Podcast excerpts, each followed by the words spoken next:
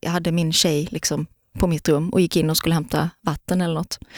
Så sa mamma bara, ja hon ringde precis och det, det snackas om att du är lesbisk.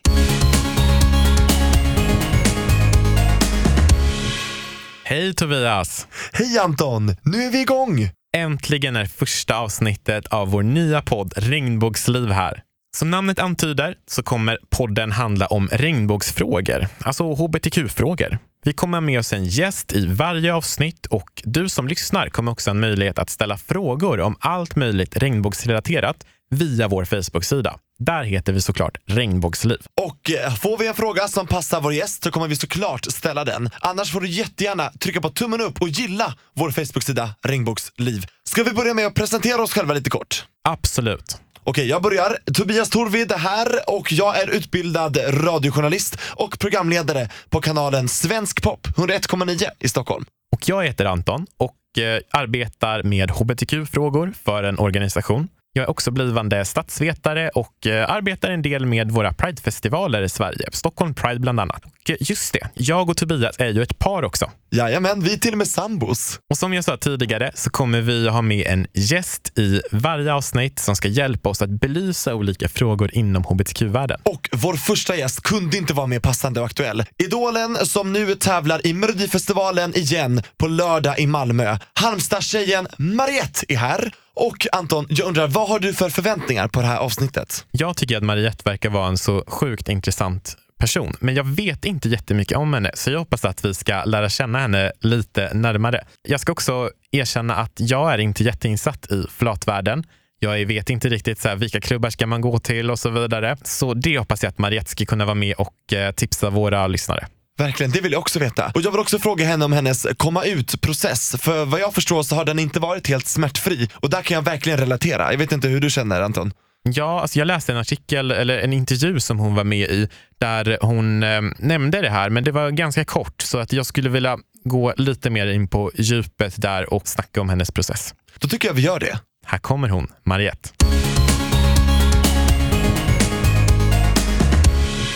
När kände du för första gången att du inte enbart gillar killar? Jag tror det var väldigt tidigt egentligen.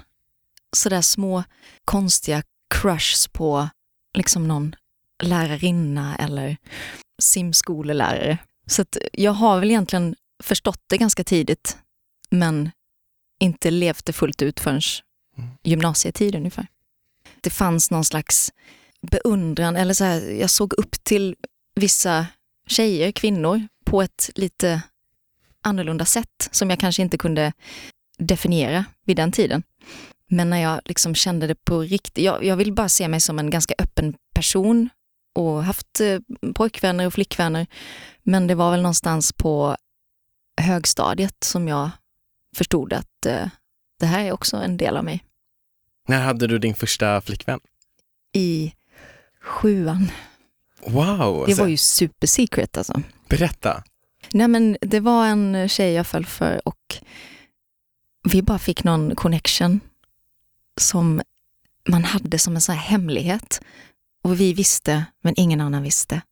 Och det var liksom väldigt spännande. Hon gick eh, ett år över mig. Det här är så bra, du så tidigt fick känna den här formen av kärlek, för att oftast är de som känner att de avviker från normen att de inte får uppleva de här tonårsförälskelserna, att det blir Mm. förvägrat dem, att de får ta igen det senare i livet. Ja, du vet. Att man inte får leva som alla andra tonåringar inom citationstecken, förstår ni med? Mm. Att man blir ihop och gör slut ihop och gör slut. Men om ni sågs i skolan, var det så här som att ni låtsades inte om varandra? Fick folk veta att ni var kom? Alltså Nej, vi, ni, var, vi var liksom nära vänner. Mm. Vi var ett gäng så här. ingen anade någonting? Nej, vi var professionella hemlighetsmakare. Kunde du berätta för någon om eh, den här tjejen? Nej, det tog slut. Jag blev tillsammans med en kille som hade körkort. Åh, väldigt attraktivt då. Ja, fattar ni? Friheten. ja, så att eh, jag liksom pendlade lite där och jag är en känslomänniska och kände att jag hade ganska lätt att bli kär i människor. Så det var en tid där och sen träffade jag en tjej på gymnasiet som jag också höll hemligt. Fast då var det mer så här, alla är lite äldre, alla fattar, men vi trodde att ingen förstod någonting. Så att det gick så långt att min bästa vän frågade mig när vi åkte inlines mellan två byar utanför Halmstad. Åh, Men du Mariette, är du tillsammans med den här tjejen? Ja, ja det är jag. Men varför har du inte sagt något? Alltså, jag är din bästa vän. Jag bara, jag vet inte. Alltså förlåt. Men alltså du fattar väl att det är helt okej för mig, jag älskar dig. Vad, jag är din bästa vän. Vad håller du på med? hon tog illa upp att du inte hade sagt Ja, ja, hon blev typ, alltså, hon tog lite illa vid sig. Varför hade du inte berättat? Nej men dels för att jag liksom var van då när jag hade liksom varit tillsammans med en tjej, då var jag, hade något så här, det här är hemligt. Det här ska man vara lite försiktig med. Men också vill jag faktiskt lägga in att jag tyckte att det var något spännande och fint med det. att det fick vara hemligt. Ja, att jag liksom i det lilla dolda kunde bara känna att jag sitter på väldigt speciella känslor. De är liksom mina och den jag delade det med. Så det är väl två olika anledningar till att jag inte berättade tidigare. Vad var du rädd för om det skulle komma ut? Jag, jag var nog rädd för vad mina föräldrar skulle säga. För att börjar man berätta för folk så sprider sig ganska snabbt att I Harplinge? i Harplinge, bra uttal alltså. Harplinge. Så det var min rädsla att mamma och pappa skulle få reda på det och inte då av mig när jag själv hade bestämt att jag skulle berätta det. Fanns det någon rädsla där? Att de inte, eller hur tänkte du att de skulle ta? Nej, Jag, jag minns inte riktigt hur jag tänkte men jag var med, väl medveten om att de liksom inte, de har inga hbtq-friends eller, alltså de har inte varit i den världen och Harplinge är en liten by och det snackas, det är väldigt viktigt vad folk tycker och vad andra tänker. Så det var nog bara min rädsla att det skulle vara främmande för dem. Hade de sagt någon gång under din uppväxt, hade de talat nedlåtande om hbtq-människor? Har några sådana där hintar, alltså när ni kollar på filmer, var de lite besvärade om det kom något samkönat på tv eller? Nej, nej, jag tror inte det. Mest i mitt huvud bara och att jag vet vilka deras liksom, krets är och att det inte har förekommit. Sen fick ju din mamma och pappa reda på det. Av dig? Nej, inte av mig. Nu ska jag berätta. Jag vet inte om jag har berättat så här ingående innan, men eh, det var en klasskamrats mamma som ringde min mamma och sa, ja vad han nu heter, Nils eller, Nils säger att eh, Mariette är lesbisk. Och då kom jag in från mitt rum.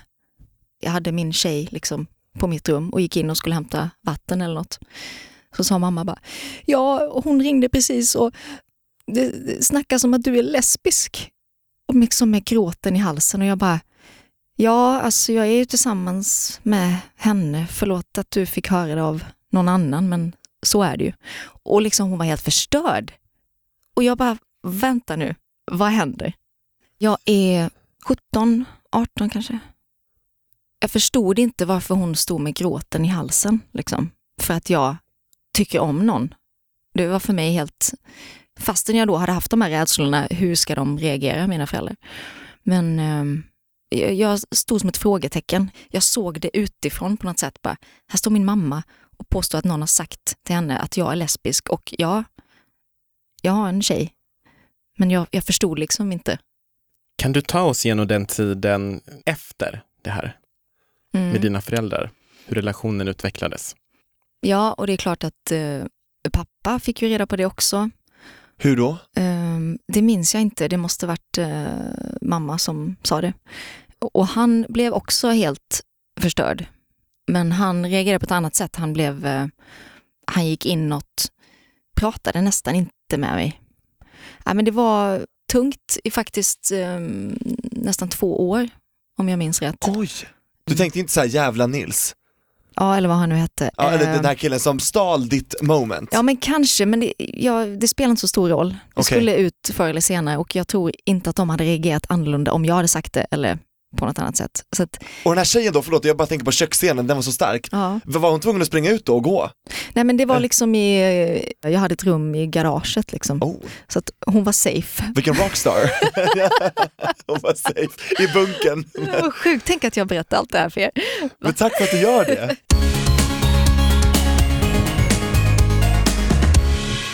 När jag står och håller om min mamma som gråter, jag bara, vad, vad är det kärlek det handlar om? Du måste förstå att jag är samma människa som jag var för två veckor sedan. Mamma sa till mig i den här gråtande kramen att vad har vi gjort för fel?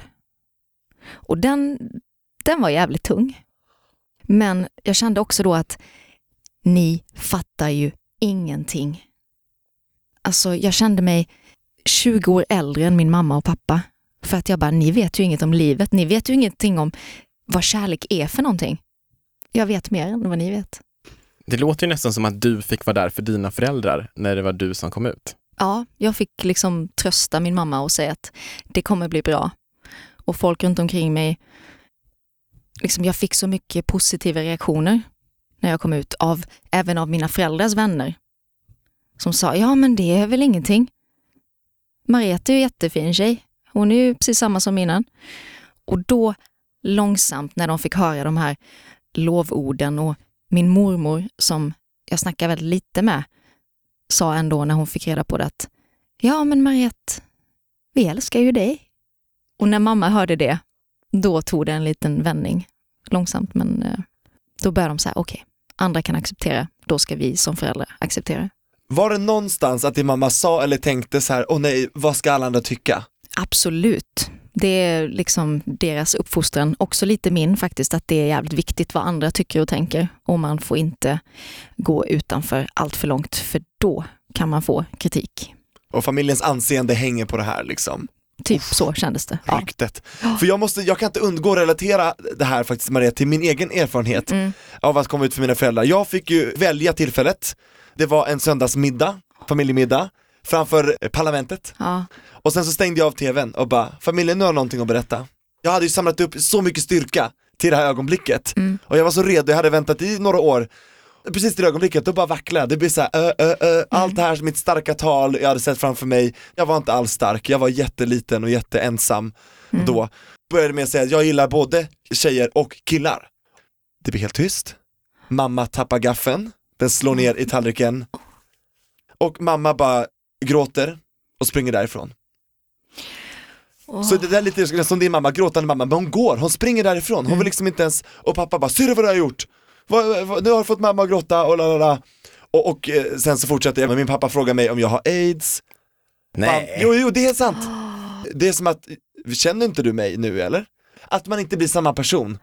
Jag blir en ny människa. Sen, sen dess tog det fem år. Fem år innan det kändes liksom okej. Okay. Så det, den tiden fick vi bearbeta. Nej men jag blir, jag blir liksom berörd av din berättelse. Eh, jag tror det finns väldigt många sådana här starka, eh, när man berättar för nära och kära vad man, vad man känner. Jag, vet, ibland, jag blir både förbannad och jag blir ledsen, men jag, jag håller kvar vid det där hoppet och när du säger fem år, ja, fem år är bättre än aldrig. För i och med nu att jag och Anton är ihop och de älskar dig Anton. Som det att du får en extra son. Anton är ju drömsvärsonen, så är det ju. Så från den söndagsmiddagen, den berättelsen du drog nu, till att ni sitter och har söndagsmiddag med din familj. Och det trodde jag aldrig för några år sedan. Och Anton, jag vet att du känner inte alls igen dig i det här som jag och Mariette pratar om. Jo, det är klart att jag kan känna igen mig, för jag tänker så här, att komma ut gör man inte en gång. Folk frågar ofta så här, bara, när kom du ut? Alltså man kommer ut lite varje dag tycker jag på jobbet och för nya vänner och som kanske förutsätter att man inte har en annan läggning. Men om man ska gå till mina föräldrar så det var faktiskt min mamma som sa till mig, jag var, tror jag var 16 år och eh, min eh, dåvarande pojkvän Jimmy, eller ja, vi, vi dejtade så, han skulle komma upp och hälsa på. Han bodde i Bålsta och jag bodde uppe i Kiruna. Hon sa att, eh, jo du, bara så du vet att om eh, du och Jimmy är mer än vänner så vill jag bara att du ska veta att det är helt okej för mig och pappa. Oh. oh, vilken dröm. Alltså det var verkligen ändå så bra. Så skönt att höra. Jag, jag har aldrig kommit ut för, för min familj. Men var det någonting som du liksom hade tänkt på, hur du skulle lägga upp det, precis som Tobias? Alltså, jag kommer ihåg när jag var 12-13 år, då hade jag skrivit ett långt brev så här farväl. jag har, jag har alltså inte, inte så att jag ska eh, ta livet av mig, men att jag ska Rymma. Rymma typ så här, bara, jag har flyttat utomlands. och ni, När ni läser detta så är jag långt borta. Ja men precis, för att jag tror att i det här identitetssökandet så tror jag att det är väldigt vanligt att man eh, målar upp skräckscenarier för hur reaktionerna kommer vara. Men jag tycker så här att era historier, du har ju jättebra relation med dina föräldrar idag Tobias. Ja, uppenbarligen, det har vi ju. Och dina föräldrar idag Mariette? Nej men det är också superbra. Alltså jag, jag tror att så mycket som vi pratade under den tiden och så klickade vi bättre liksom, än vad vi gjort tidigare. Och jag tror att vi skulle aldrig vara så nära varandra idag om inte det hade hänt. Så att jag vill ändå liksom se det positiva, vad som har kommit ur det efter de där ganska jobbiga åren. Så att ja, vi har jättebra kontakt. Att du är gay är det bästa som kunde hända er familj. Exakt. Och jag tycker jag har bidragit till familjen. Vad bra! Ja. Att det har gått från det här förtvivlan och, och gråten till den här fina relationen. Och det tycker jag är väldigt alltså, hoppfullt ändå.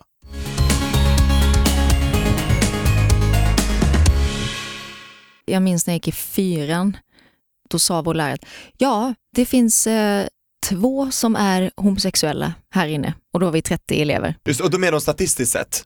Ja. Inte att hon visste att vilka Nej, två det var? nej. Nej, inte, inte utpekning, men det blir utpekning ändå av alla elever. Erik! Du vet, det var ju Mm. bara... Men konstigt nog så tänkte jag inte på mig själv då. Du skruvade också på det och bara, vem kan det vara? Eller? Typ Ja, bara, men lite, Lisa, ja. Lisa. Nej men eh, en liten by, jag har aldrig hört, liksom, Mm. det var främmande även för mig då.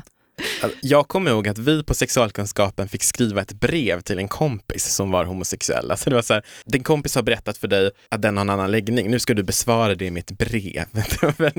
Snacka om att drama- dramatisera. Ja, och då tänkte jag att, ja men det är ju jag egentligen. Alltså, för då, då fick man ju anta i den här uppgiften att det var någon annan än mig och också att, att det gör det så dramatiskt som att man ska skriva ett brev. Alltså vem sätter sig ner och Nej. skriver ett brev till var, du fick skriva ett brev till dig själv typ.